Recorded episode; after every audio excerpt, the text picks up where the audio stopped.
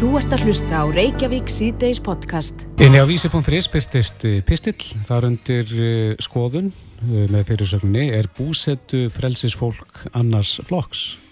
Akkurat, það búsettu frelsi.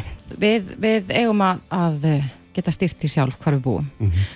Og upp, svona, undanfarn ár hefur verið svona, dukkað upp með reglu og millibili þessi umræða um þá einstaklinga sem að kjósa að já, búa ekki innan einhverja bæjarmarka má segja, þar sem að, að til dæmis í, í frístundabegðum eða í sömarhúsunum sínum mm -hmm. en hún Guðrún Njálsdóttir skrifar þennan pestil og hún er búsutu frelsiskona og íbúi í Grímsnes og Grafningsreppu og hún lýsir þarna já kannski viðhorfum uh, og einhverjum ákveðnum hindrunum í kerfinu já. fyrir þá sem að kjósa að búa þarna mm -hmm. Guðrún er á línu, kom til sæl Komið sælublessu, takk fyrir að hafa mig. Já, gaman að heyri þér. En þú seg, skrifar hérna í þennan pistil að þú hafið ákveð á samt þínu manni að, að flytja í frístundahúsið. Já. En, ég heitlast getur... bara að sveitinni, ég heitlast að Grímsnes og Grafnisef og við fórum í, í það að rækta bátti mm -hmm. lengi til að vera tilbúin þegar við ætlum að byggja húsið sem við gerðum og við starflokk þá ákveðum við bara að slá til og, og fara og flytja í húsið Mm -hmm. Þá var náttúrulega, við vissum það, ég hef búin að starfa hér að félagsmálum alveg frá 2002 og vissi það að ég mátti ekki hafa lögheimili mitt en fór að kanna það hvernig ég geti skráð mig vegna þess að ég vildi náttúrulega geta haft áhrif og geta kosið og borga mína skatt á skildur hinga eins og maður hefur alltaf gert það sem maður hefur búið. En skilningu, kannski ástæðan fyrir því að við erum aðeins er það að koma þessu pínu til almenning sér að skilningur fólks er kannski ekki skiljanlega ekki skilur það ekki alveg hvað þetta þýðir að vera skráður og tilgrendur vegna þess að þegar maður fyrir þjóðskrá og gerir það þá er það löglegt. Ég get skráð mig einhver staðar í einhver trepp eða eitthvað og tilgrenda og ég valdi 805 Grínsnes og Grafnisett mm -hmm. en ég vildi fá að láta á vita hvert ég ætla að fara því mér, ég, mér fannst einhvern veginn nöðsilegt að þeir eru að vita eitthvað á húsi ég væri þá eða ég færi en það sturt ekki. Ég var bara sett út á tún eins og ég sagði í einhvern huldu hér og varð eiginlega svona við urðum bara ósýnileg. Ertu þá í rauninni bara eins og útigangskona í Grímsnesun? Já, já. Og þetta viðhorf sem sagt að vera ótilgreindur kemur mér fljótið í ljó sem að er búin að skrá sig svona. Mm. Það, er, það er svo ótrúlega hluti sem dukka upp eins og hvað, já. Við skal bara nefna bara hérna nokkur atrið bara í snög til dæmis fólk sem ákveður að flytja vil bara selja eignina sín í Reykjavík það er kannski með eitthvað lánáni vil endilega flytja þá á bústæðin sin það þýðir, na, þú getur það kannski er nóg látt og þá verður að verður að styrta lánstíman ef, ef fólk vil fá lán þá fer það bara 15 ára lán hvað, hvað svo hún það er. Mm -hmm. og, og fyrirtæki ef maður fyrir fyrirtæki eins og við þurftum að láta að fá tilbóð eins og hluti að smíða leið og aðrið svona komið ljós þá urðum við ótrúverð við vorum svona í einhverjum bara flokki og við vorum beðinum að borga inn á jável eitthvað bara lágar upphæðir. Og, og, og þetta er svona og ég veit um eitt dæmi hér það sem að um, um maður sem búið að búa lengi hérna hann veiktist, vantaði pening og sóttu í sjótlán Hann fekk já, já, já, allt er lögur og sóttu um það. Þeimduðu síðar er í hann og sagt hann get ekki fengið lán. Og, og hver ástæðan? Kreditinfo þeir sækja lánsbröstu upplýsingar þangað. Mm -hmm. Hann er það að búa í útlöndum. Nú, jafnvel þó hans er skráður ótilgrendur á... Býr Erlendis 805. Jáhá. Það já, já. hljómar... Þetta er, svona, sko, þetta er eiginlega svona bara, sko, vegna þess að þegar út komin með lögheimil einhver staðar þá eru við öll undir sama hatti. Við erum Íslandingar, við erum með kostningarétt og við höfum mannréttindi á einsum stöðum. Mm -hmm. Þetta er allt í henni farið að setja mann niður og þeir ekki að líða volega vel. Akkurat. En, en hvert væri, já, auðvitað hefur verið oft talað um það að, að Sumum finnst að þetta leifa það að skrálög heimili sitt í frístundabegð. Væri það uh, besta niðurstaðan að ykkar mati þeir sem að... Nei, sko ástæðan fyrir því að við stopnum hópin búsettafrelsi var það að við viljum fá að vera bara sínileg í byrjun. Við viljum fá að halda mannréttundum okkar að það geti fundið hvað maður býr. Mm -hmm. Og þú myndist á það í greinni að þetta snýst líka um öryggi ykkar ef eitthvað skildi koma upp á. Já, fyrir náttúrulega það að ef, ef að þjóðskar á vissi að ég væri í húsinu mínu þá náttúrulega, sko, þá náttúrulega vita þegar ég að vábera hendi. Ég er þá allavega þar þó ég sé ótilgreind. En hvaða, þetta snýst um réttindi og stíldur er það ekki, Hva, hvaða stíldur kvíla þá sveitafélaginu ef að þið fáið að skrá lögheimilið í húsinu? Þeir óttast það náttúrulega að segja það alltaf að, að þá þurfum við að fara að skaffa skólaktur, snjómoktur og, og svona, þú veist, sorpirðu, ná til sorpi og eitthvað svona. En sko, all sumarhúsa eða frístundafélög þau, þau sjáum uppbyggingu vega og mokstur. Þannig að við höfum ekkert verið að fara fram á e- neitt að þeir geri neitt en sem gjaldandi að bæði útfæru og farsnargjaldi þá á ég náttúrulega sama rétt og íbúi sem að býr kannski réttur utan gynningunum hjá mig það að móka heim til hans og, og pósturum bóru þangað og veist, við viljum bara, við, sko, jafnrétti frekkan segir það að allir skulle vera jafnir það er ekki þetta að fara að flokka mann í einhvern annan flokk af því að þú valdir að búa í frístundahúsinu og mér finnst persónlega ég verði bínu örg að ég hugsa til þér að, að, að sko, hvernig vita þeir að ég fór í frístundahúsi mitt ef að þeir, ef að ég gæti ekki sagt þjóðsfrá hvert ég var að fara mm -hmm. og uh, sveitarstjórnir segist engar upplýsingar hafi um þetta fólk veist, það, þetta stangast allt á en samt er verið að tala um að banna búsett í frístundabíð Já, en það, það er einhverja skildi sem kvíla sveitafélaginu ef að, ef Já, já, fólk, þeir, það er náttúrulega þeir veita sínum, sínum íbúu náttúrulega, þú veist já, á, en, er, en er þetta einhverja tekjur af, af því fólki sem að flytja lögumölu sitt? Almáttur, jú, getur nýmyndað við, við borgum sama fastegna skatt uh, í aðflokki eins og íbúarhús gera Já. Þeir taka bara fasteignaskattin og veit okkur einhver þjónustu. Mm -hmm. Þetta er bara verið að sapnandi kottan. En, en þið hafið líka óskað eftir því að fá að, að, að ræða þetta við sveitastjórnina. Hefur Já, það ekki borðið? Við, við, við rættum það. Sko, við viljum að þeir séu farabrotti sem stjórnmyndu þessu sveitafélags að, að reyna að liðka til fyrir skráningu eða fyrir því að fólk geti búið í þessum húsum sem eru byggðið eftir eh, eh, ströngustu byggingarreglu eins og allar eignir á Íslandi. Það er bara, við komum bara vekk, þá vittnum við í vá, hérna, hvað gerist ef það vera skóareldar við, við veitum ekkert hvað er búið en við, núna eru við búin að stopna hóp og við getum látið ykkur hafa upplýsingar um þetta fólk sem er komið í, í hópin okkar. Mm -hmm. þeir aftakka það Akkurat. Heldur þetta sé... Svona, veist, við ætlum ekkert að vera neitt að djöblast í þeim að heimta þetta og heimta hitt. Þetta er langklöyt en mannréttindin bara segja það að allir skulle vera jafnir. Mm -hmm. er, er þetta einstæmi í Grímsneis og Grafningshæppið að þekkjuru til annara dæma úr öðrum sveitum?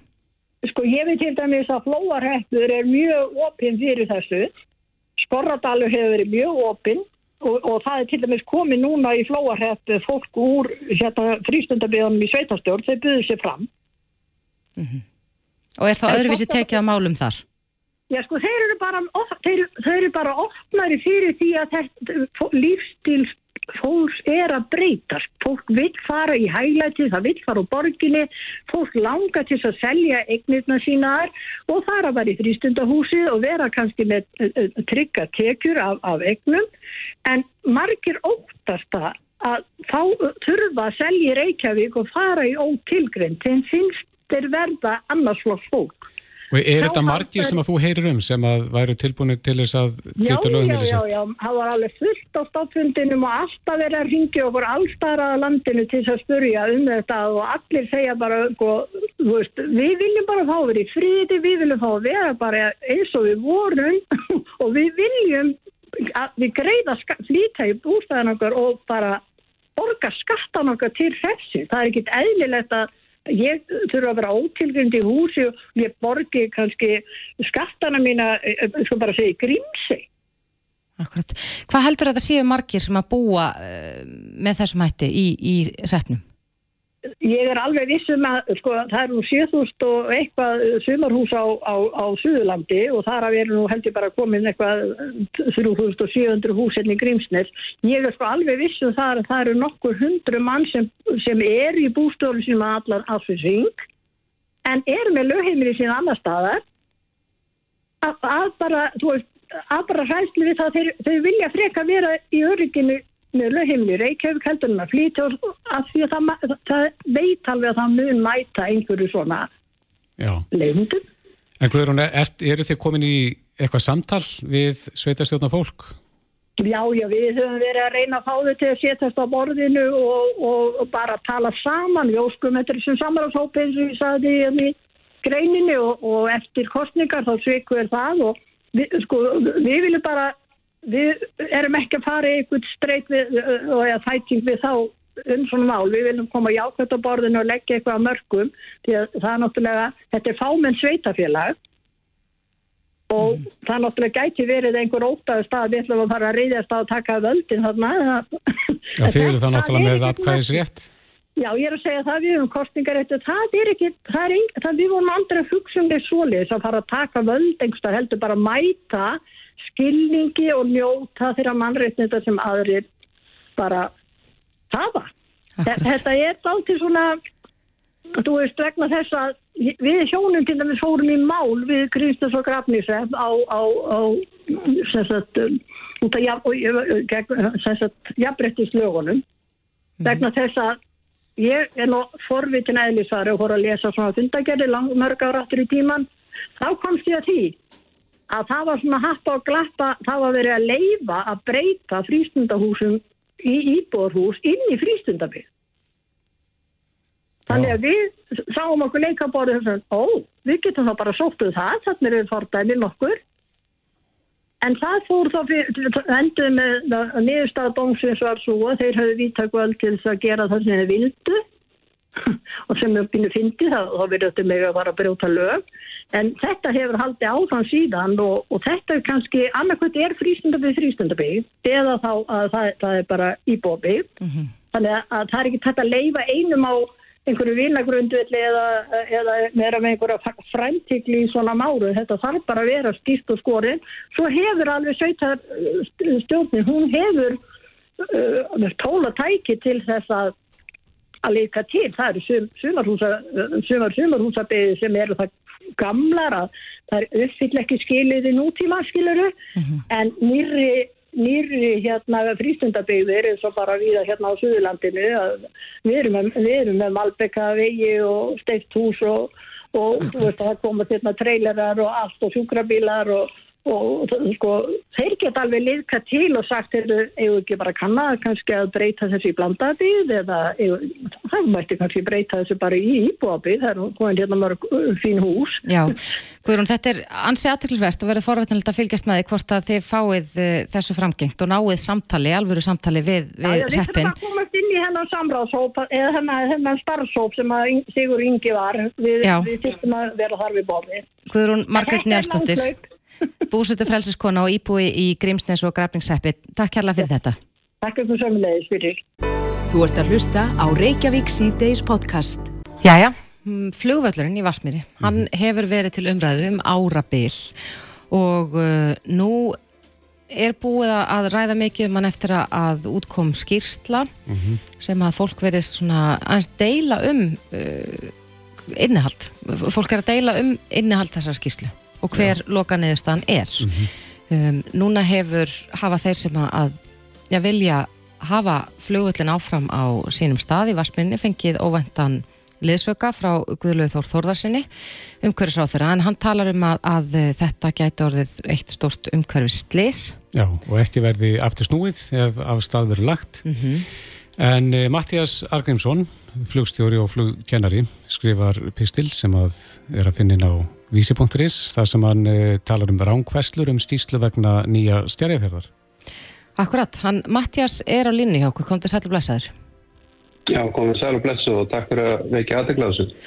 Já, þetta hefur verið mikið til umræðu og það er nú ekki langt síðan við fengum hinga til okkar, eh, annars vegar Einar Þorstinsson sem er, er oddviti framsoknar og, og svo Kjartan Magnusson um, sem er borgarfulltrúi sjálfstæðarsflokksins og þeir eru á öndveru með því en, en þú ferð þarna yfir þess, í þessari grein svona helstu niðurstöður og kannski við langar að byrja að spyrja því hvers vegna eh, leggur fólk mismunandi já, merkingu í þessa skýrslu er hægt að lesa eitthvað fleirin eitthvað eitt úr henni? Nei, sjálfsvegar vil ég freka að segja að það snúist nú eiginlega bara svo litið um henduleika hvers málstæðar fyrir sig, hverju störa sko. Það er um, í skýslinni eru ansið mörg bæði gul og rauð flögg sem eru bara atrið sem að verður að skoða betur. Það kemur marg oft fram og bent á að, að verða að rannsaka hluti betur og uh, það verist eigi ekkert að gefa sjans á því að það er bara einhvern veginn eftir því sem að meirulutin í borgarstjórnir er að gera það en að keira bara málið áfram svo það sé bara ekki hægt að fara út í þá vinnu og þá náttúrulega verður það á sveitt mm -hmm. Það er eins og Þórtið spyr, er, er hann eitthvað tvírað? Er þetta að lesa meir en eitt út úr þessari stíslu? Ekki samkvæmt okkar skilningi það er, það er nokkuð augljóst að fyrir flugmenn sem að lesa þessa skíslu að það er bara heilmikið sem verður að fá bótt ný áður en að hættir að byrja einhverja bygginga framkvæmdir sko. Eh, já, en þú talar um, þú talar Mattias um ránkvæslur, farðaðins yfir hvaða ránkvæslur eru það helst sem að fólk heldur á lofti? Já, það er það til dæmis eins og uh, þau hengdu sér svolítið á, hérna, loka bókun uh, hérna, fullfrá Reykjavík og Borgar í starfsóknum það sem hann sagði að það var engin ástæð til þess að hætta við byggingar og markvis uppbygging gæti hafist og það er að sjálfsögðu bara ekki rétt þannig að það er, uh, verður að rannsaka fleiri hluti á þannig að hægt er að fara út í það. Það er til dæmis það rángfæsla. Ég, þetta er bara villandi. Mm -hmm. en, en nú hefur verið talað mikið um það að, að það sé nóg að grýpa til mótvæðis aðgerða til þess að tryggja flug öryggi á svæðinu. Uh, dregur það í efa að, að það veri gert eða það dugir til? Nei, ég, ég dreg ekki, ég dreg það ekki í efa, alls ekki aðalatrið er bara það að það veit engin í raun og veru hverjar það þurfa að vera af því að það er ekki búið að rannsaka það náðu vel. Til dæmis, uh, mjög einfalt dæmi, það er ekki eftir rætt um hliðavind á flugbröðum þar sem það er, eru blöytar flugbröðir. Blöytar flugbröðir eru erfið að reyga við í miklu hliðavindi heldur en þurra flugbröðir. Þetta er ekki eins og skoða og það er bara mjög alvarlegt mál. Þannig að það er eins og það ég reyna bara að keira málið áfram svo þess ekki hægt að klára að rannsaka þetta því að eins og ég tek fram í þessari grein við grunar sterklega að það muni koma bara illa út þegar það verður að rannsaka betur að það er að segja illa út fyrir það að, að fara að byggja mm -hmm. en, en þessi já nú var þessi skýrsla uh, þessi starfshópur skilaði skýrslunni já. fyrir stöttu síðan já. var það ekki já. hlutverk starfshópsins líka að til dæmis kanna þetta sem þú ert að segja varandi hliðarvind og blöytar flugbröður og, og fleiri þeimdur þau tóku það fram að, að, að þau hefði ekki verið beðin um það sérstaklega að þau fengur bara tíma til þess að rína í gögnin sem að lág fyrir greiningar frá EFL og, og hálfæðsku geimfærastofnunar sem er alltaf mjög flott apparat í þessu og, og mjög tröst í sínum uh, skoðunum og rannsóknum en þeir, þau bara fengu ekki meiri tíma og hefðu þurft að fá miklu meiri tíma. Það er að auki má líka benda á að Ísafja býr yfir gögnum sem konum bara í ljós mjög sitt Eh, ef maður rétt á eru þau 12 ár aftur í tímana sem að vindar voru teknir af öllum flugbrættar endum og uh, þar á meðan, meðan á byggingu og hlýðarendasvæðinu stóð. Og það hefur ekkert verið skoða þau gögn verður náttúrulega líka að skoða til að sjá hvað áhrif byggingar hafa flugmenn hafa nú þegar kvarta tölverst yfir ókýrið af hlýðarendasvæðinu Já þannig að bygging hlýðarenda hefur hérna haft neikvæð áhrif á flug á vellinum og fluguriki? Já, já, já, já, það er spurning hvað að segja mikið um fluguriki sjálf en allavega um neikvæð áhrif á, á flug, brott flug og aðflug upp á svona smá sviftivinda sem að koma átt að þeim og, og það er líka að eh, bara sem dæmi eftir að þessari svo kvöldur neyðabröð var loka þá fyrsta árið komið 25 dagar þar sem var ekki eftir að fljúa snúkarflug. Þannig að þetta snertir alla þjóðina allar landsbyðina sérstaklega aðgengi þeirra að, að heilbæri og sjúkarásum og það má bara ekki skerða það á neitt einasta hátt meira en orðið er Ef af, ef af þessu hverfi verður hérna í stjærjafyrðinum og, og byggingar áform halda áfram, hvað mun fara af vellinum? Því að nú ert þú flugkennari líka. Serðu fyrir að kennsluflugmunni vikja? Nei, en það getur uh, sannlega komið upp uh, fleiri dagar þar sem ekki verður hægt að nota uh, þær brautir sem að byggðin myndi þá tröfla og það er talað um að byggðin muni fara hækkandi frá miðlínu flugbreytar. Það er að segja uh, húsin sem stálta næst muni vera lægst og svo hækka fjær en það sem að gleymist alveg að taka með til dæmis inn í og það líka þá að rannsaka er að hæstu húsin frá flugbreytunum þau geta valdið mikilvæg ókitt og kviku yfir breytunum í aðflugulettingu. Mm -hmm. En, en sem flugkjænslan sjálf hún er náttúrulega helst þar sem að uh, nefndur eru sem er aðalega höfðborgarsæði, þar eru flestir nefndur og það er eðlilegt að hún sé þá í Reykjavík en uh, aðra leiti þá hefur ekkert verið gert í, í því að, að, að búa til einhvern sérstaklega kænsluflugvall þessi flugvall er frábær fyrir kænslu og virkilega mikilvægur Já Magna Gná Jóhannsdóttir sem er, já, borgarfylltrúi framsóknar, skrifaði pistil núnum helgina líka akkurat um þetta og, og sagði að í grunninn myndi þessi umræða snúast um tröst, tröst til þeirra sem að við kjósum til þess að sitja í borgarstjórn um að grípa til þessara mótvæðisaðgerða til að tryggja að ekstra öryggi flugvallarinn skerðist ekki. E, treystir þú já. því að, að, að svo verði gert og það muni döga til eða óttastu að, að verði farið og frætt af stað? Já, já, ég treysti því bara alls ekki. Það er ekkit flókið.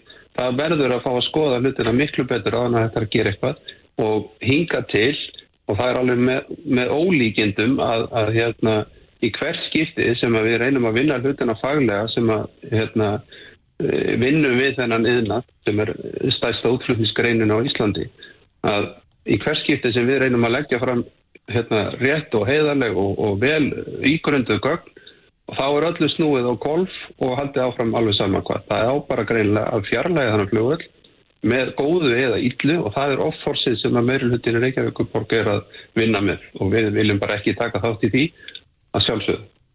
Nei. En hvernig metur þessa baráttu núna? Ég, er það að ná eirum þeirra sem að þurfa að heyra? Mér finnst það vegna þess að það er ekki bara við sem að erum ósáttu við það hvernig borgir fer fram í þessu máli eins og alltaf gegn klúvöllinum, það er alveg merkilegt síðan að dagur var borgarstjórið, þá hefur þetta bara verið svona. En uh, sko það eru fleiri, ég meina þið sjáuð mótmælinu alltaf eh, náttúrunni og, og fjörunni sem er eins og uh, eina þessum síðustu sem eftir eru sem er ósnert, náttúruvönd og, og svo talaðum ólíumengan jarveg og að flutninga 13.000 vörubílspöllum af ólíumenguðum jarveg og svo spyr maður sig, ok, hver á að borga það til dæmis? Er það framkvæmdar aðeins að borga? Er það reykvikingar í gegnum sín útsver eru þeir að fara að borga þetta fyrir framkvæmdaraðal og svo framvegs og svo er það umferðarmálinn, allt vestans norrabröðar verður bara stípla fram og tilbaka. Veist, þetta er svo margt sem hangir að þessu. Sjálfur er í til dæmis ekki uh, björnsinn á að kvassarinn verður nokkuð tíman að veruleika. Og eins og innvegar á þeirra sæði að, að Reykjavíkuflöðlir er að fara að vera þannig þessi 20 ár. Og hann á að vera í friði. Þannig að flugræstarar öryggi og flugöryggi að sjálfsögðu sé bara í háum haft. Það er mikilvægt fyrir okkur öll. Af hverju hefur ekki trú á kvassarhönni? Uh, eh, aðalega vegna jarðræfinga og svo er það uh, svolítið uh, skilsberg, ég hef nú ekki séð og mikið af skýslum en hefur heist þá sem að hafa komin ála því aðeins í svolítið útrekning á fleira að það geti verið misvunda yfir þeir svæð og það sé kannski ekki mjög hendut með að við, með að við kemla ykkur Reykjavík eins og við erum með uppsetninguna núna á þessum innviðum okkar. Mm -hmm. En með að við þína þekkingu, er einhver uh, annar staður sem gæti komið til greina fyrir innanlandsflug? Uh, Ef að kvassar hann úr myndinni og, og já, segjum eftir 20 ára Vasmírin um, verði ekki lengur nótæfið eða eitthvað slíkt. Hvar annar staðar gæti já. slíkur flugullu verið? Það er náttúrulega svolítið merkilegt að, að hérna, það, þegar þessi rögnunemnd var að, að störfum til dæmis, þá var það skýrt tekið fram að Vasmírin væri ekki valkostur. Það er mjög merkjöld að hann er enda á besti staðurinn. Það er ótrúlegt að við, það má eiginlega segja að við höfum verið bara mjög heppin með að þeirra var uppfæðlega lagður og gerður að hann er veðfarslega alveg frábær og uh, það var eitthvað pælt í að hafa uh, nýja flugvölda áltanissi en svo skilt mér að það hefði nú verið sleið af manni hvort það var 1974 eða, eða eitthvað krík og það leti En hann, það hefði mögulega verið mjög flottu staður, og, en eftir því sem ég kemst næst, þá er eiginlega engin annar staður innan svona, hvað þú segja, ásættanar og fjallaðar frá Reykjavík eh, í bóði, sko. Nei. Keflavík, kannski? Nei, eiginlega ekki heldur, við mögum ekki gleyma því að við erum með fjóra flugvelli sem millinandar flugvelli, það er Keflavík, Reykjavík, Akkurir og Eilstæðir og uh, á eigilstöðum geta fjóra vel að lent, þá er það úr millilandaflugi, fjórar á akkuriri en Reykjavíkufluglu getur tekið við rúmlega 20 færðarþóttum og íslensku flugfélagin eru í dag að reyka um 6-10 þóttur. Þetta er ekkert smáraði og við bara megum ekki við því að missa Reykjavíkuflugl og ég hef oft orðað þetta þannig við höfum ekki efna á því að hafa ekki Reykjavíkuflugl. Einmitt. Mattias Argrímsson, flugstjóri og flugkennari, hann má lesa pistinlið þinninni á vísi.is en kæra þakki fyrir spjallið. Já, takk kæla sem les. Þetta er Reykjavík C-Days podcast. Í síðustu viku kom í ljós að aðstu embæðismenn og, ráðamenn þjóðarnar myndi fá 6% að launa eitthvað og uh, það voru rúmlega 6 sumir en, en það voru margir rekar, já, pyrraðir yfir því, mm -hmm. ansi háar fjárhæðir. Núna í dag fyrir skemstu voru kynntar aðgerðir ríkistjórnarinnar til þess að uh, ég reyna ráðið verðbólguna. Eitt af því er til dæmis að takmarka launahekkanir þessara aðstur áðumanna við 2,5% og uh, reyndar líka í dag þá kynnti samfélkingin verkefnilista fyrir þinglokk mm -hmm. og við fyrstu sín, ég er nú ekki búin að kafa mjög djúft ofan í annars vegar sko aðgerri ríkistjórnarinnar og svo verkefnilista samfélkingarinnar en það er nú eitthvað sammert þarna á milli. Hún er sest hjá okkur, Kristrún Frostadóttir, formaður samfélkingarinnar, kom til sæl. Komið sæl. Ef við byrjum á þessum tillögum ríkistöðnarinnar til þess að berjast gegn verðbólku, Já. hvernig líst þér á þær? Sko, þessi ríkistjórn er mjög döguleg og sem við myndum segja flink við að sópa saman svona eldri aðgerðum og kynningarefni og tilkynna þessum nýtt efni. Þannig að til dæmis svo frétta tilkynning sem fór í lofti fyrir dag innihjalt bara að verulega miklu leiti aðgerði sem var nú þegar búið að tilkynna sem stil lók mars. Já, tímabundar leigubremsur? Leigubremsan er til að sem er að koma núna frá okkur í samfélkingunni mm -hmm. um, Ríkistjórnin hefur sagst til að skoða það en verið að skoða í bestan langan tíma en það nýja sem að ég sé í þessum tilögum frá Ríkistjórninni er að þau ætla meða við núverandi fjármálaállun eins og þau lögðana fram fyrir vor að tvöfalda stoppframlag lög til uppbyggingar á húsnæði.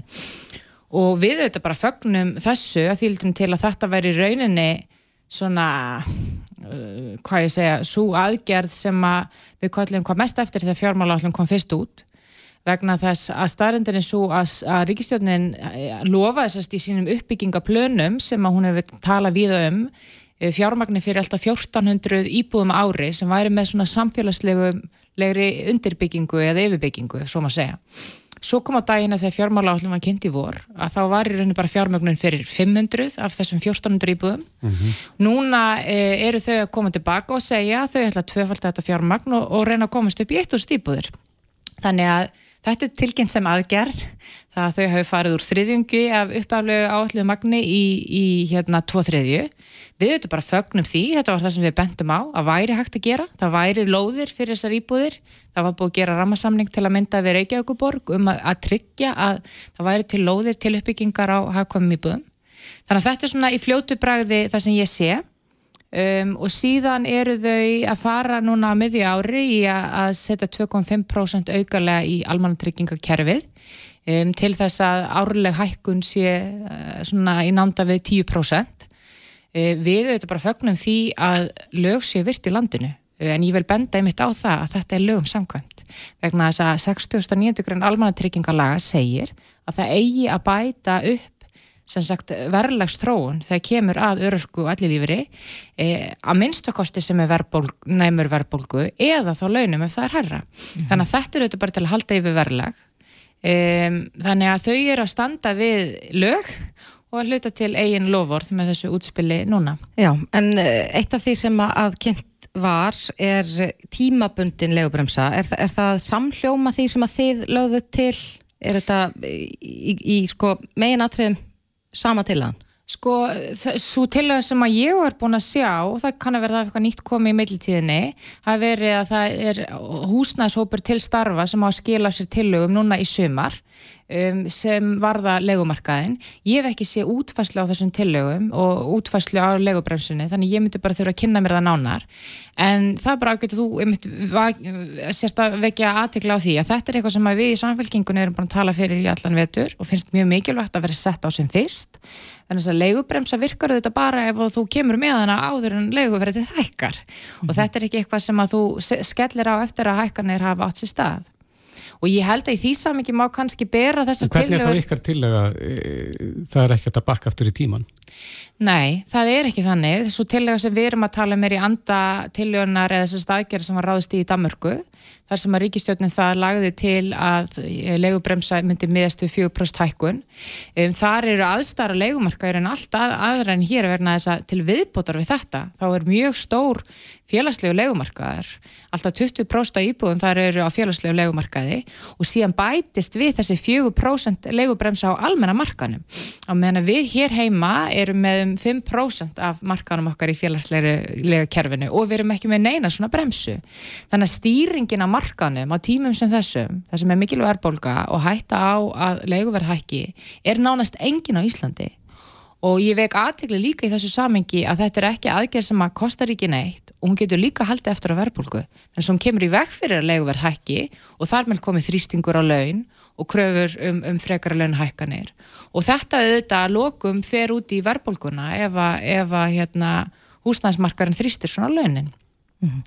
Það var já, mikið rætt um það í síðustu viku þegar í ljós koma að aðstöðraðamenn myndu fá ja, um 6 eða 6,3% að launa hækkun þar 1. júli og nú er búið að, að ja, ríkistjórn að tilkynna það að þau ætla að breyta lögum svo þetta verði bara 2,5% er, það, er þetta skýr skilabóð frá ríkistjórnini eða hefðu mátt gera meira eða hvað? Ég menn þetta er tillag sem kemur frá þeim og einhver leitir þau bara bregðast við í rauninni þeirri kröfu sem er til staði samfélaginum í dag að þessi hópur skeris ekki úr. Er þetta sammálað þessu? Ég er sammálað þessari ákverðun.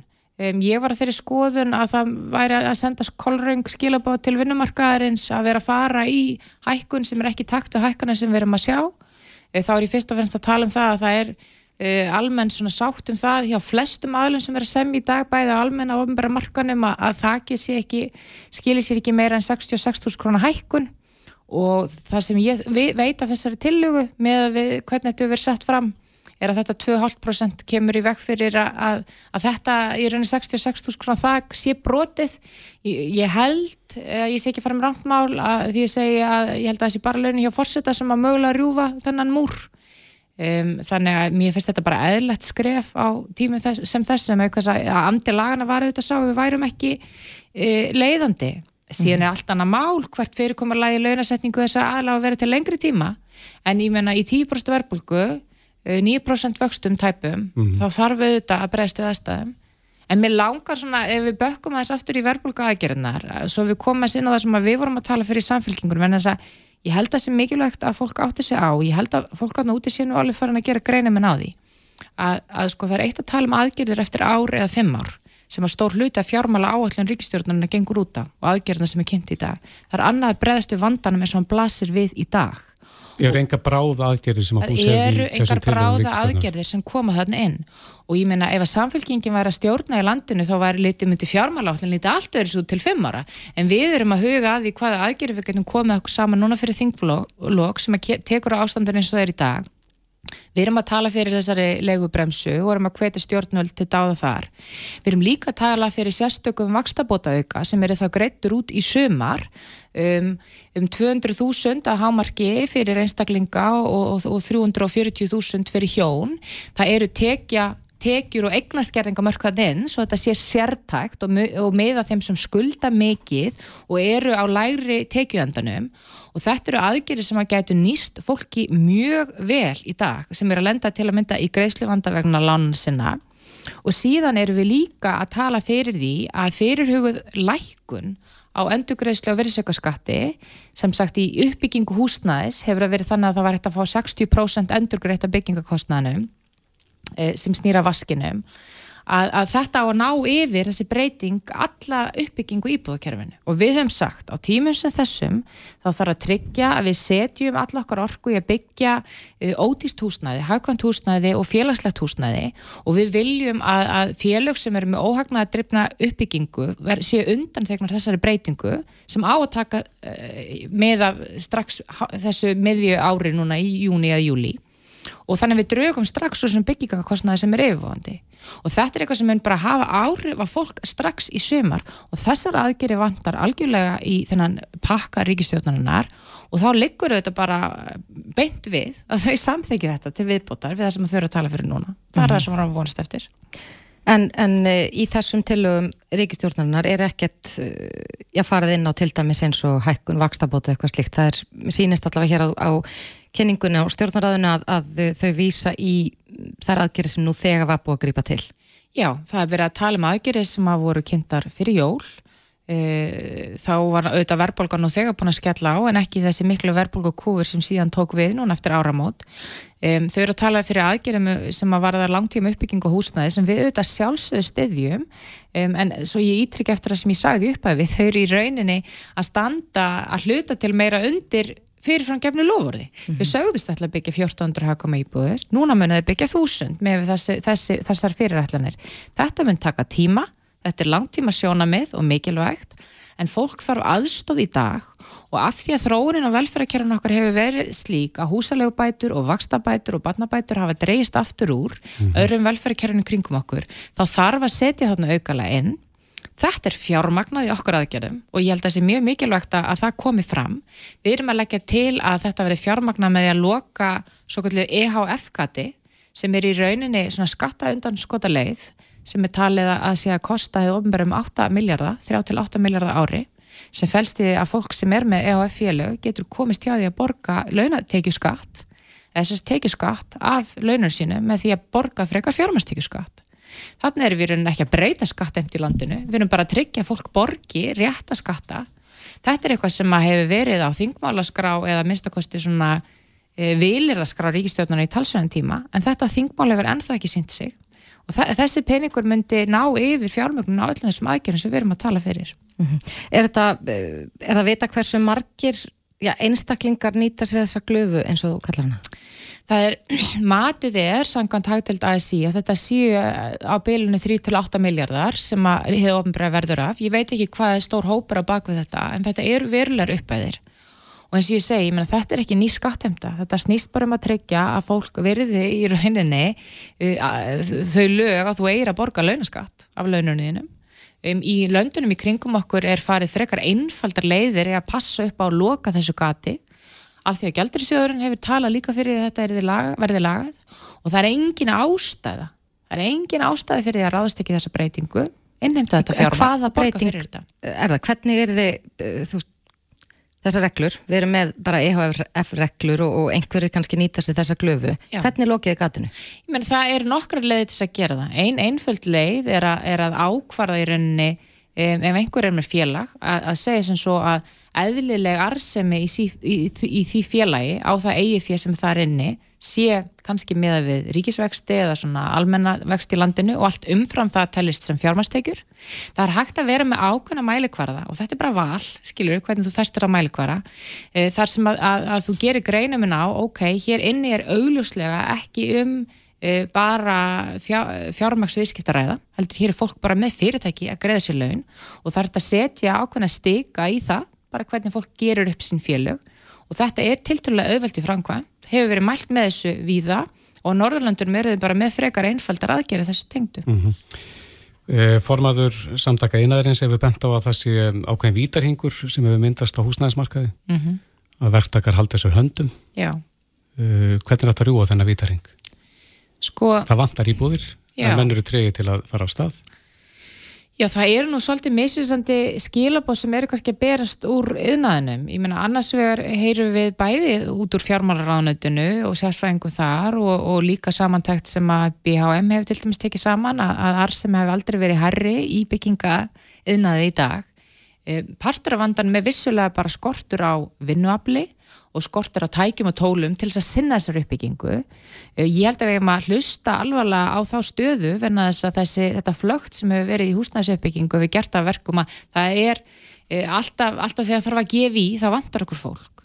En ennþá meiri ástæða þá til að forgámsra þessum hagkvæmu íbúðum, þessum óhagnadrifni fjölun sem er að byggja og ef að á að veita einhverja skattaafslætti þá leggjum við í samfélkinguna áslega á það sé veitt til fjöla sem er í óhagnadrifnum rekstri að byggja hagkomar íbúður ekki til allra verktæki í landinu en þess að ef það vantar fólk þá þarf að beina vinnuafli inn í uppbyggingu hagkomum íbúðum og hagnadrifnum íbúðum.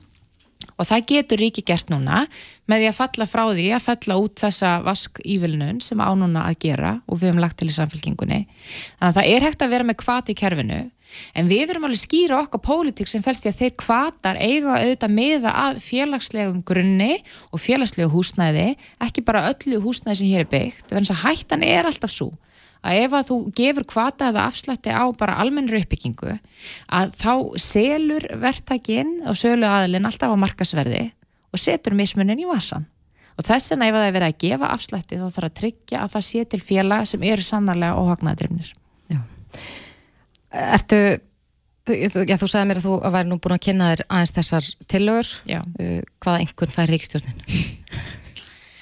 Ég, sko, ég veit ekki hvað hva maður á að vera ánaður með. Og maður að vera ánaður með að þau sé að hluta til að standa við gefin lofórið í húsnæðismálum eða alveg lög. Er þetta rétt átt? Þú veist, þetta er auðvitað vissulega rétt átt. Þetta er það sem við höfum kallað eftir sérstaklega uppbyggingunni. Þannig ég er ánað með það. Það sem ég er ekki ánað með er þessi endalyssi leikur að tölum þar sem er verið að stilla upp gömlum aðgerðum og aðgerðum kannski fimm ár samtals fram í tíman sem stórkostlegum breytingum á núverandi aðstæðan fólks. Það er ekki rétt og það væri miklu eðlilega að koma heiðilega fram og tala um að þetta eru langtíma aðgerðir, ekki akut aðgerð fyrir fólki í dag, af því að staðrindin er svo í lókdags, þá mun fólk bara finna það á einskinni og átt að segja á því það líður á árið að þetta er ekki að snerta þeirra daglega líf.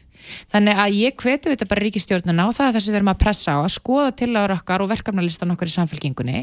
Þar eru aðgerðir sem eru fjármagnar og hægt að ráðast í dag og bæta líf fólks bara strax náttúrulega í sömar. Já, Kristrún Frostadóttir, formaður samfélkingarinnar. Kæra þakki fyrir komuna. Takk fyrir mig. Þetta er Reykjavík C-Days podcast. Jæja, Reykjavík síðdeis, Kristún Frostadóttir nýfærin frá okkur. Já, við fórum nú með smá fleipur á hann við uh, okkur skildist það vera sem svo að, að ríkistjórnun væri að leggja til tímabundna legubremsu mm -hmm. Og rættum meðal hans um það í Kristrúnu en í ljós kemur að, að nú er starfsópur á vegum ríkistjórnarinnar að vinna að uh, því að bæta stöðu leyenda mm -hmm. og sá starfsópur mun skila tilögum uh, 1. júli næstkomandi. Að það er spurning hvort tímabundin legubremsa verði þar inn í Akkurat. en rétt skal verði rétt. Já. En að öðru Við höfum nú heyrst mikið talað um uh, verkefnið Kveikjum listan. Já, þetta er uh, já, tilraunaverkefni eða rannsóknar og þróunaverkefni öllu heldur sem að grunnskóli Vestmanneja hefur verið að taka þátt í. Nú er, er held ég annað árið að klárast mm -hmm. og Einhverja tölur vantarlega komnar Já. í hús. Uh, Hermundur Sigmundsson, professor við Norska tækni og vísindaháskólan í Þrántheimi og professor við rannsóknarsettur um mentun og hugafar hjá Háskóla Íslands er mættu til okkar velkomin. Takk. Já, þú brennuð fyrir þessu verkefni, kveikjum neistan. Segð okkur svona í stöttumáli út á hvað gengur það?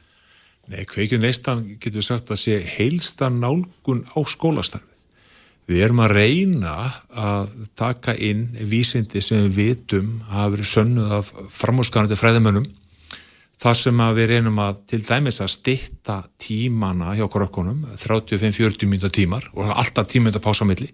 Við erum með reyfingu á mótnarna við vitum að reyfingi kýfulega mikið að fyrir okkur öll öllum aldri og fá smá hérna reyfingu inn hjá öllum börnum sem eru með þessu verkefni mm -hmm. fyrir hátti og svo eru með grunnfærdina áherslu á hana fyrir hátti og grunnfærdin er eða þessi stóru fögin sem eru písafögin þetta, lestur, leskilningur starffræða, náttúrufræð þannig að við erum að vinna með þessi mikið fög, við erum að setja vörður, það er að segja einfald stöðumætt sem við mælum í mæ í starffræðinni, við erum konum vörðuð 1 og 2 í starffræðinni, við erum konum vörðuð 1 og 3 í náttúrufræðinni.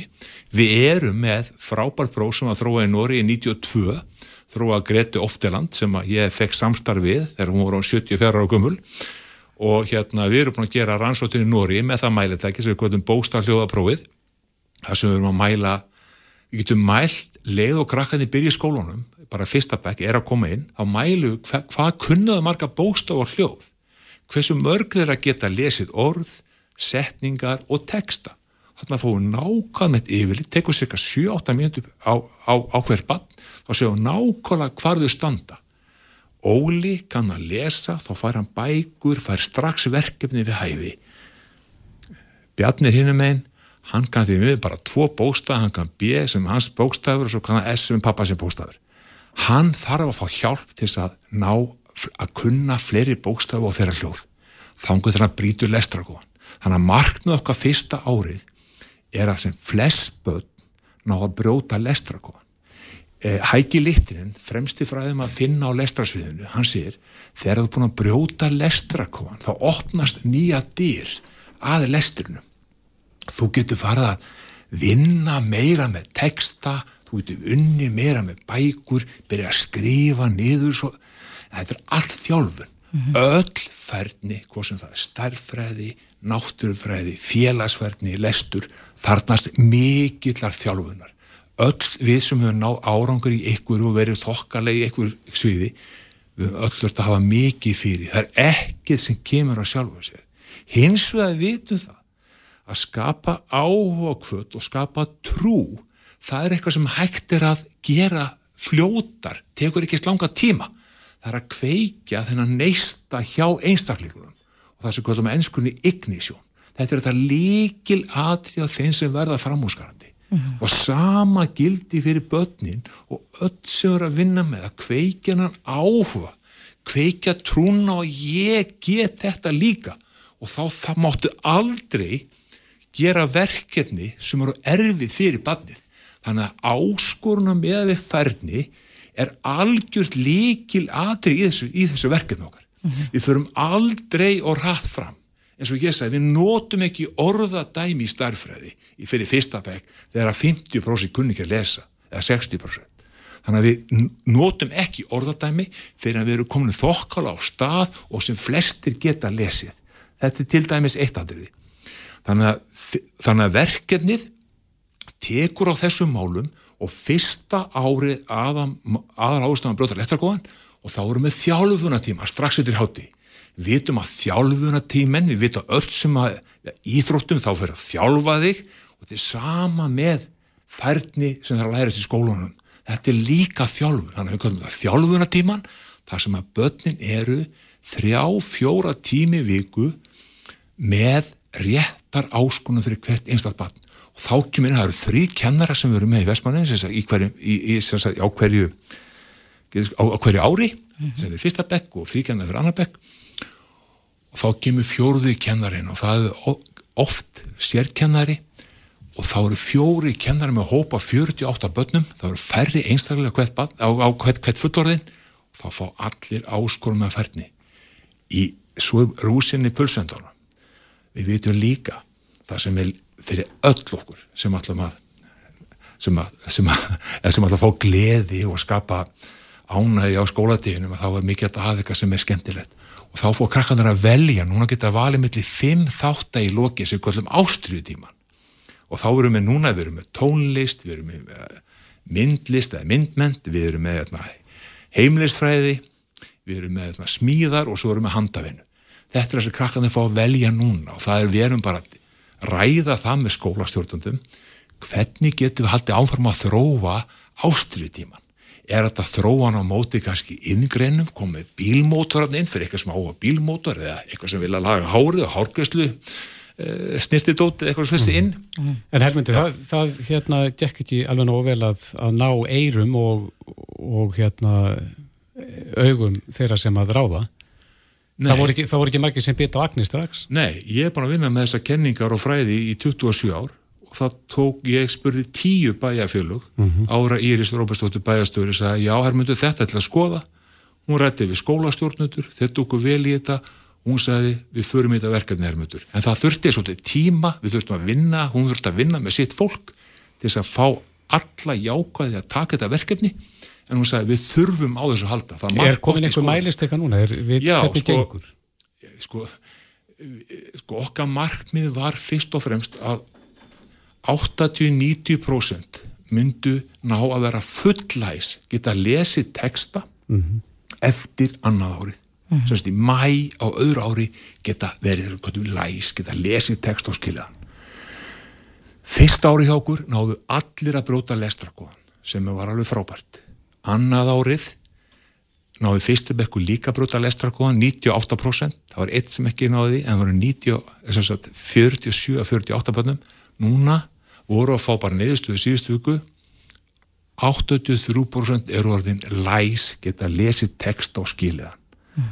og við erum með tölur Er þið með samanbörðatölur? Við erum með tölur um kringu landið. Mm. þar er ekki, ekki byrta strax því það er hluta stóri rannsó sem eru byrt í vísta, vístatímariti þar sem við erum með alla tölurna sem við erum búin að við erum með 450 börn vístur landið. Þannig að við erum með tölur sem vera byrtar í þessari vístagrein og við erum hins vegar með tölu með annar prófvelamerkja því við ætlum að þróa læsisprófið sjálf því að við fundum ekki nú gott próf til þess að nota. Þannig að við vorum með þrjá lestrafræðinga og þrjá kennara sem hjálpa okkur því að þróa próf fyrir annabekk. Mm -hmm. En hvað og, með þessi próf sem við höfum verið að nota nú þegar og eru, eru við líði í grunnskólum um alland þau próf sem við erum að nota til þess að meta lestra kunnáttu barna er þau úrreld? Ætti, sko, ættu við að fara að líta á þetta allt öðruvísi? Það sem okkur vantar, það eina sem við vitum eiginlega um Íslands mentakerfi, það eru písaprófin sem er 15 á börn. Okkur vantar þessi próf og mælitæki. En þessi lesraðapróf sem eru nú... Já, lesaðabælingin er, eh, sko, það er þetta að diskutera það mjög mikið og ég er búin að vera að berjast á móti því í mörg ár að þetta getur skapað eh, sagt, að þessi krakka sérstaklega þessu þurfa mest af skólanum halda það er þessi 30-40% sem ekki fá stuðning heima það er ekki gott fyrir þau að fara í endalust lesraðamæleika sem ná mjög slökum árangri mm. þannig að ég verð að berjast á mótið þeim og þau gefa mér, ég vil fá vita eins og ég spurði í hafnaðferði hvað eru margir læsir eftir annabæk þeir gott ekki svaraði sama því spyrju öðru bæjarfélagum við vitum ekki stöðuna. Við vitum ekki hvað sem mörg börn eru búin að ná orðaforða þryggjára á Íslandi. Við vitum ekki hvað sem mörg börn eru full læs eftir annarbegg á Íslandi. En við erum hins vegar konum með nýðustöð núna, var að byrta skreinu bara í síðustu hugu, það sem skoðum 392 börn vísur landið, þannig að 56% barna sem byrja í skóla á Íslandi eru búin að brjóta lestrakóðan. Þannig að það er góður útgangspunkt. Hins vegar eru með tölur og Reykjavík með annað prófilamerkja frá, sem, sem var gert í öðru bekk þá voru 61% sem þau sögðu verið læs mm. svo tala var 67% 2002 þannig að það fyrir lækandi en það er svo tala, ef við skoðum 83% okkur og 61% Reykjavík, þá getur við séð eitthvað smá mismunni. Þannig að þú ert að hitta naglan á höfuðið?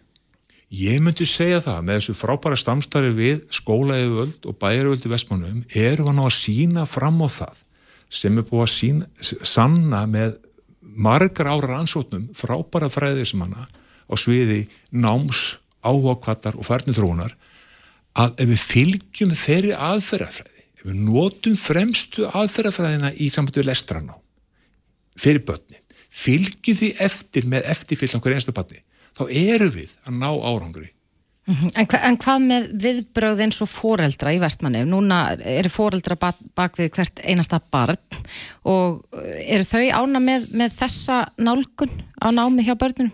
Já, ég bara, já, ég bæði fengi skilabóð frá fóröldurum, kennar hérna, fengi skilabóð og þessi fólk sem er að vinna með okkur í kringum verkefni í vestmannum og það sem við sögðum í fyrra uh, hérna við mig að, og, og skrifu líka pisla inn á okkar síðu, kveikju næsta síðuna á, á, í, í Vestmannum á Facebook, það skrifum við sko við sjáum betri við sjáum hérna betri árangur við sjáum betri líðan og við sjáum að við erum búin að ebla á okkvötuna hjá þessu börnum. Mm -hmm. og þetta var bæðið um börnin það sem við sjáum líðan, við sjáum líka þetta með, með hérna, fóreldrarna og, og líka kennarana þannig að við vitum það að með þessu breyta skipulega skóladagsins þessari heilstöða nálgun þá sjáu þær hægt að ná árangri. Og ég er bara svo ánúða líka þú veist að það náðu allir að bróta lestrakóðan fyrst árið, allir með einn annað árið, þannig að bæði þessi, þessi útlensku börn sem eru inflyttiður sem kunnu hvorki íslensku eða ennsku, þeir nú líka bróta lestrakóðan á, á íslensku. Mm. og það er engin mismunur, kynjamismunur þannig að þetta er annarbekkin, strákandi ekki afgóður á stúlkvöldar og það er þeim sem þau erum líka lift upp því að sko það er eitt fymta á stúlkonum okkar sem er á erflöku með písa meðan normenni hafa einna tíu þannig að við erum með 100% meiri fleiri stúlku sem er erflöku með leskilning mm -hmm. í písa 15 ára Hver er, er draumurinn um næstu skref svona rétt í lokin? Nei, það er bara að við höldum áfram okkar styrki Vestmannum, uh, það er öllum velkomna að við og hérna Viltu fleiri skóla? Já, ég vildi gert að fá fleiri skóla með. Það er það besta sem við getum gert er að fá fleiri skóla og sína fram á sama árangur. Já, þetta er ansi áhugavert og, og, og svo sem umræða sem hefur verið í gangi lengi varandi já, nálgun á, í, í þessum kennslumálum Hermundur Sigmundsson, profesor við Norska tækni og vísindaháskólinni Þrántemi og profesor við rannsóknarsetur um mentun og hugarfar hjá Háskóla Íslands. Kæra þakki fyrir að koma og gági ykkur áfram vel. Takk fyrir. Reykjavík síðdeis á Bilginni podcast. Já, nú vantar klukkuna tíu mínútur í sex og við ætlum aðeins að snú okkur af, af sjómunum. Já, í gær var sjómanadagurinn haldinn hátilegur út um allt land, mikið um, um hátilhöld og húlum hæ, mm -hmm. sjóurinn síkáttu þetta í, í Grindavík þannig að það var bara heil helgi Já. en Kári Stefánsson uh, forstjóri íslenskrar erðagreiningar hann held ræðu í Grindavík og sagði meðal annars að, að það sé daburlegt að sjómannastjættin hafi glatað þeim stað sem hún ætti að hafa mm -hmm. í hjarta þjóðurnar Já. og ég hveitur til byltingar Já, hvort ég meiri minna Valmöndur Valmundsson, formadur sjómannafélags Íslands er komið til okkar, velkomin Uh, Sjómanarsambands Íslands, skulum við hafa það. Það er annað. Eh, þú last ræðu Kára? Já, ég gerir það. Og hvernig líst þér á? Ég bara get ekki verið meira sammála Kára í þessum málum. Uh, sko, ég byrja á sjó 1977 á Siglufyrði. Mm -hmm. Þá voru þar einhverju fjóri eða fimm tóarar, nú er einn eftir. Svona var þetta út um alland sjómanum hefur fækkað gífulega mikið á þessum tíma. Við erum núna rétt um 3000 sem við höfum þetta á aðlatinu, að vera sjóman. Eh, fyrir utan stranduðilótan sem er náttúrulega bara í sjömarið. Það bætast í 700 kallar þar og einhverju, þar, einhverju af þeim eru sjóman sem eru í annari vinnu á vettuna á sjónum. Og ég, ég get tekið undir margt sem káru sér og eiginlega flest nema að mér finnst virðingu sjómana ekki hafa rakað á þessum sjávar stöð, útvegsstöðum sem eru eftir í dag. Ég var út í Vestmanni um allir helgina. Þar er reysa stór hottíð sjómana uh, sem byrjar á 50 deg og er fram á sundag og hérna mjög vel gert hjá eigamönnum og hefur alltaf verið. Mm. Og hérna þetta er alveg frábært að finna á þessu stöðum hvað sem er útgerð, hvað sjómenn standa saman og gera þetta vel. En er þetta í rauninni tvölið, annars vegar sjóminn og hins vegar útgerðin? Það er alveg, það er alltaf... Kári er svolítið að tala um að þetta sé svolítið í högum fólks komið í, undir einn hatt. Þetta hefur alltaf verið svona. Já. Held ég, ég sko, við vitum þá útgerðamennir hafa ósmándavaldi, það hafa alltaf haft í gegnum tíðina, gegnum aldirnar. E, sjóminn þurfa að beigja sundi þá, við skiptum hlut með útgerðinni og ólíkt með mörgum öðrum starfséttum, eiginlega öllum öðrum. Og svo er bara spurningum, eins og Kári segir, er rétt gefið eða ekki? Og hver er þín skoðun á því? Hvað sér ég? Hver er þín skoðun á því? Mín skoðun er svo sama á kára, við getum ekki sanna. Er hann... þá fyrir ekki, þeir eru þá að tala um það að, að fiskurinn er seldur til félaga í eigu útjærðarinnar á lagra verði? Það er alveg eins og Kári segir, sem er alveg rétt hjá honum. Men, mm -hmm. Mönnum grunar það. Að þetta sé komið hækkun í hafi eins og að kalla máli en ekki alveg það. Hann... Fiskurinn er seldur hérna, frá einum aðla hérna á Íslandi til annars úti sem að sami aðlun á sem seldan hérna. Mm -hmm. Við vitum að það er svo leis en hvort að er hérna, óveililega hækkun á milli, það vitum við ekki og getum ekki sanna. En það er skattiðvalda að ganga í það mál. Já, en Kári sagði í ræðisinni gæra að þið eh, var að hvetja ykkur til þess að krefjast aðgangs að þessum gögnum. Já. Uh, hefur það verið reynd? Já, það hefur margótt verið reynd og við gerðum múna með þessi heðilega tilum til þess með nýjum kjærasamlingi sem var feldur.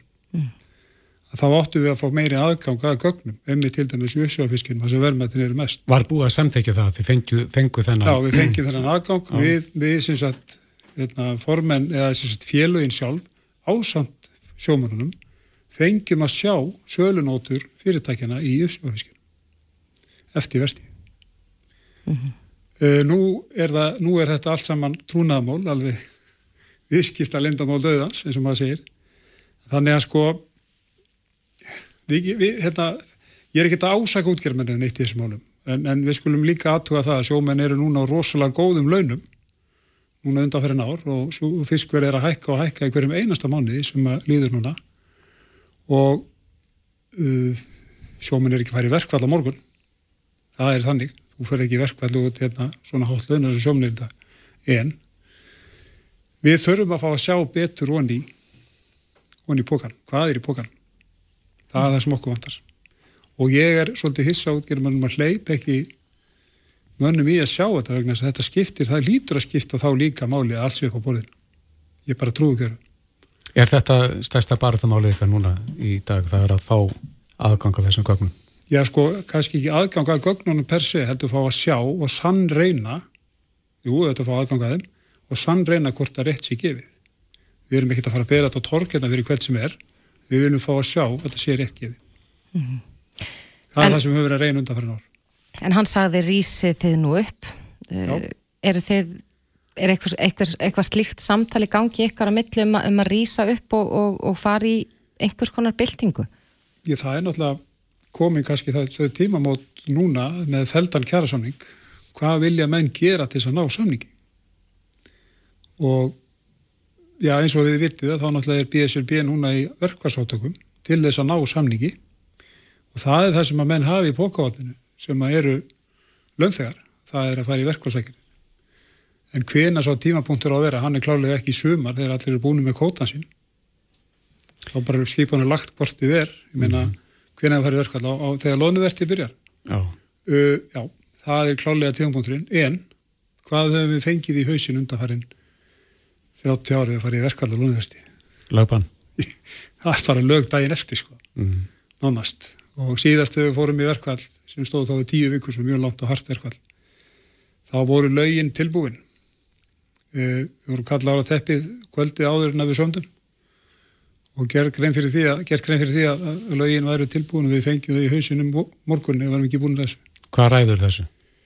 Hvað sér þau? Hvað ræður þessu að Já, það er bara þjóðabúið á og mikið undir er, er segja stjórnmálmennir mm -hmm. ef einn lónuverti fyrir vaskin þá er eins og núna, það eru margir 20 miljard undir.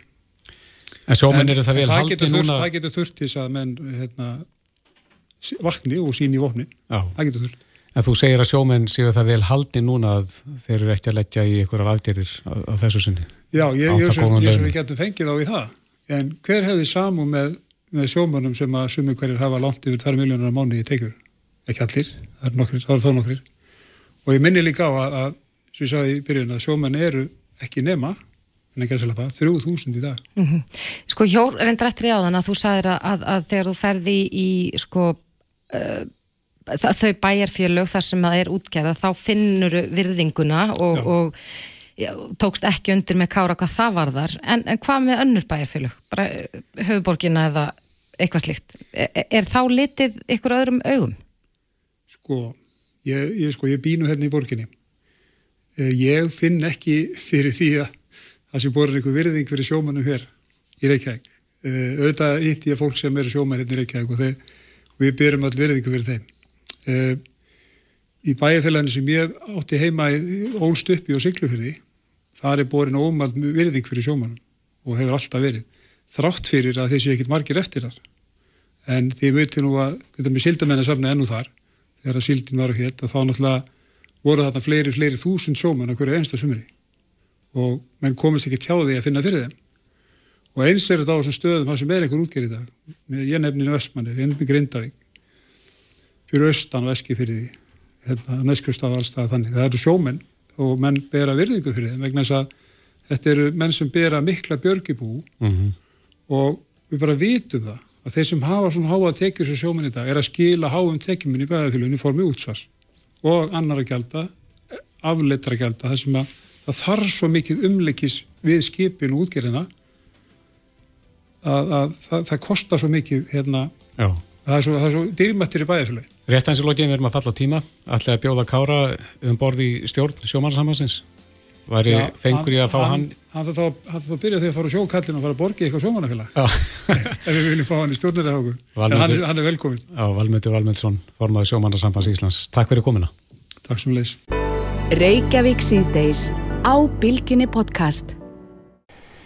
Já, já, snúum okkur aðeins að íþróttum, það er hiti í leiknum á að segja já, og mörgum leikjum. Full mikill hiti að margra mati, það var eh, rosalur hiti í toppslag breyðarbleiks og vikings í bestu del Karla í fókbalta á förstu daginn. Mm -hmm. Það voru slagsmál sem að hófust við lokleiksins, rutt spjald fór loft og þjálfara voru mjög harð orðir í viðtölum. Og þetta við dreyið dilka eftir sér. Það, þetta er svona einhvern veginn á allra vörum og, mm -hmm. og uh, ég rakst á það en á vísi.is þar sem að móðir ungstreng sem er ytkandi um, já hún bara setur spurningamarki við þetta, er þetta það sem við viljum kenna börnunum sem mæta á þessi íþróttaleiki að fylgjast með sko fyrirmyndunum sínum? Hetjunum sínum, hetjunum sínum. Mm -hmm. og uh, segir mér sér frá því að þarna hafi sko verið já, fullir menn að kasta dósum í stúkunni. Stuðningsmenn voru að rýfast og svo auðvitað það sem að, að gekk þarna á við lók leiksins. Já, meðalans hrinding, það sem að aðstofa þjálfur að var hrind af leikmanni Hann sestur í okkur Valur Páll Eiríksson, íþróttaseðfræðingur og íþróttafrættamæður, kontur sæl. Sæl. Er, er einhver nýr tónn í íþróttum á Íslandi eða er, er þetta bara einhver, einhver upplifun uh, sem er eigast akkurat núna? Sko, í þessu tilfelli er, er uh, svona uh, dómandaldi í, í miðjunni, það er að segja Uh, Arnar Gunnlaugsson þjálfari viking sem að, að vingarnir sem að fá á sig þessi tvö mörk í uppbóta tíma í lokleiksins og tapa þar þremur stegum niður í eitt í toppslag milli bara svona bestu liða landsins og gríðilega mikið undir. Og uh, skapið bara, hann var bísna heitur í, í viðtali eftirleik og, og lætur dómarna svona rækilega að heyra það. Og, í viðtali. í, í viðtali eftirleik og, mm -hmm. og talað um einhverjir einmitt sem hafa talað um hvort hann fáið mögulega að banna eitthvað svo leiðis en, en það, það reynda á kembarljós á morgun þegar að aðeinemdin kemur saman en, en um, skiljanlega er náttúrulega tilfinningar í þessu mm -hmm. og í þessu tilfelli þá fannst honum á sér broti vegna þess að uh, blikar skoruði öfnamarki þegar komið aðeins yfir uppláta tíman sem var gefin upp en ég held að það er nú búið að ræða það fram og tilbaka og það, það hafi nú ekki verið brotin eitt á vikingum þar en tilfinningarnar eru svo rosalega miklar og þú ert ekkert neginn að, að uh, í, í akkurat í þessu augnabliki finnst þér allt vera að hrinja ekkert neginn sko. Mm.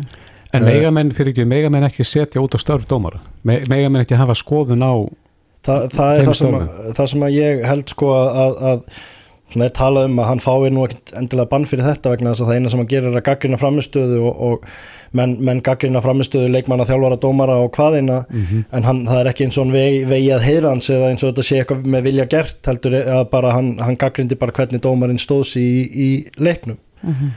uh, en það, það, það slæma við þetta, þannig séð er að, að þetta er einhvern veginn í miðjunni það nýkomið áttak frá KSI varandi virðingu mhm. fyrir störfum dómara þannig að þetta er náttúrulega leiðilegu tímapunktur og það sem að KSI náttúrulega þegar gáðu frá sér það eru kannski tvær vikur síðan að, að tveir dómarar sem að höfðu fengið morðhóttun uh, annars verður einn í, í gegnum síma skilabóð og hitt bara í, frá reyðum stuðningsmanni á, á leik. En það er náttúrulega erfitt að segja hvort að það sé eitthvað nýr tópni í Íþróttum á Íslandi eða eitthvað slíkt. Uh, menn hafa verið ósáttir við dómara og, og, og látið þá heyra það uh, allt frá því að fókbaltinn byrjaði hérna sko. Og það sem er þarna náttúrulega er bara að þetta er svo stór leikur og það er svo mikil umfjöllun og fullt af kamerum á leiknum og þetta er fyrir allra augum. Og, og þar leðindi vakti þetta líka rosalega mikla umræður, rosalega mikla aðtikli það var allt brjálað á Twitter eftir leik. Uh, talað um þetta bara nánast alla helgina. Mm. og svo fyrir náttúrulega raukt spjald á loft já og, og bara hérna menn, menn eins og ég segi, menn fóru þarna bara fram úr sér, alveg mm. klárlega. En það er þetta atvik það sem að rauða spjaldi fóru á loft þar sem að uh, leikmaður rindir aðstofadómara já og uh, einhverju sem vilja meina að aðstóð, aðstóðþjálfarinn þessi hafi svona stíðið í veg fyrir hann og hann hafi ítt frá sér bara þú veist fer í allar áttir bleikar mm -hmm. segja eitt og vingar segja hitt.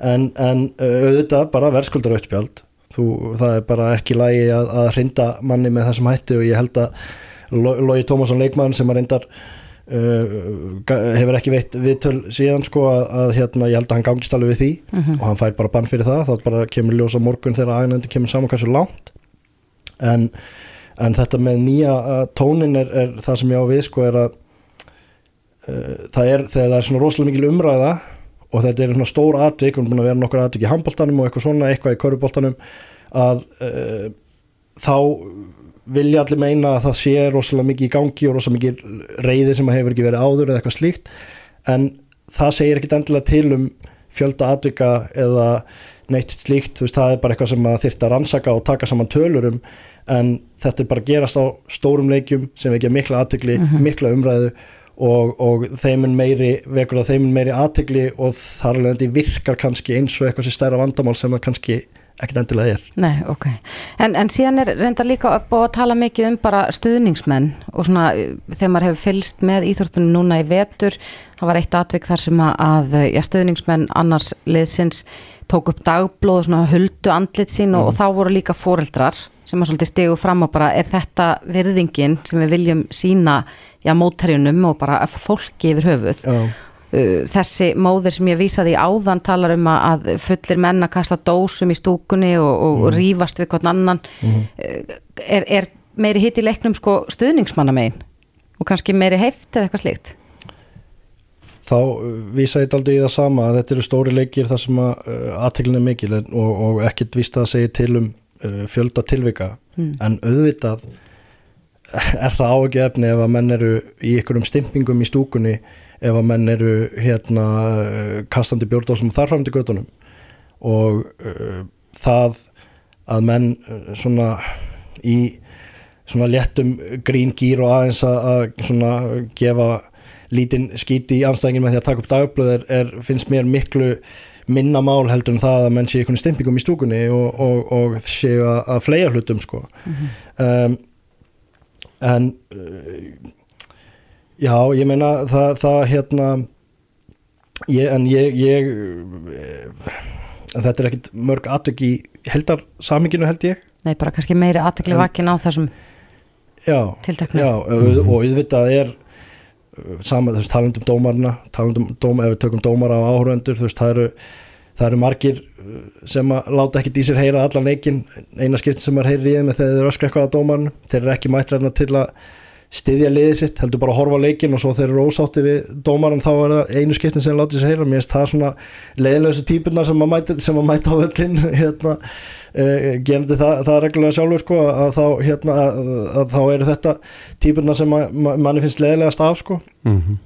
en Eh, þetta er, þetta er alltaf spurning um þetta jafnvægi milli, þú veist, auðvitað viltu að menn síni ástriðu fyrir leiknum að þeir hérna eh, hvort sem er í stúkunni eða inn á vellinum að, að það sé eitthvað líf í þessu mm. en, en það snýst alltaf um að það fara ekki yfir auðvitað ekki yfir strikið sko Ég má til mig að nefna annaraðatug, magnaðatug sem átt þessi stað í leik Vestra og Njarðvíkur um helgina Já.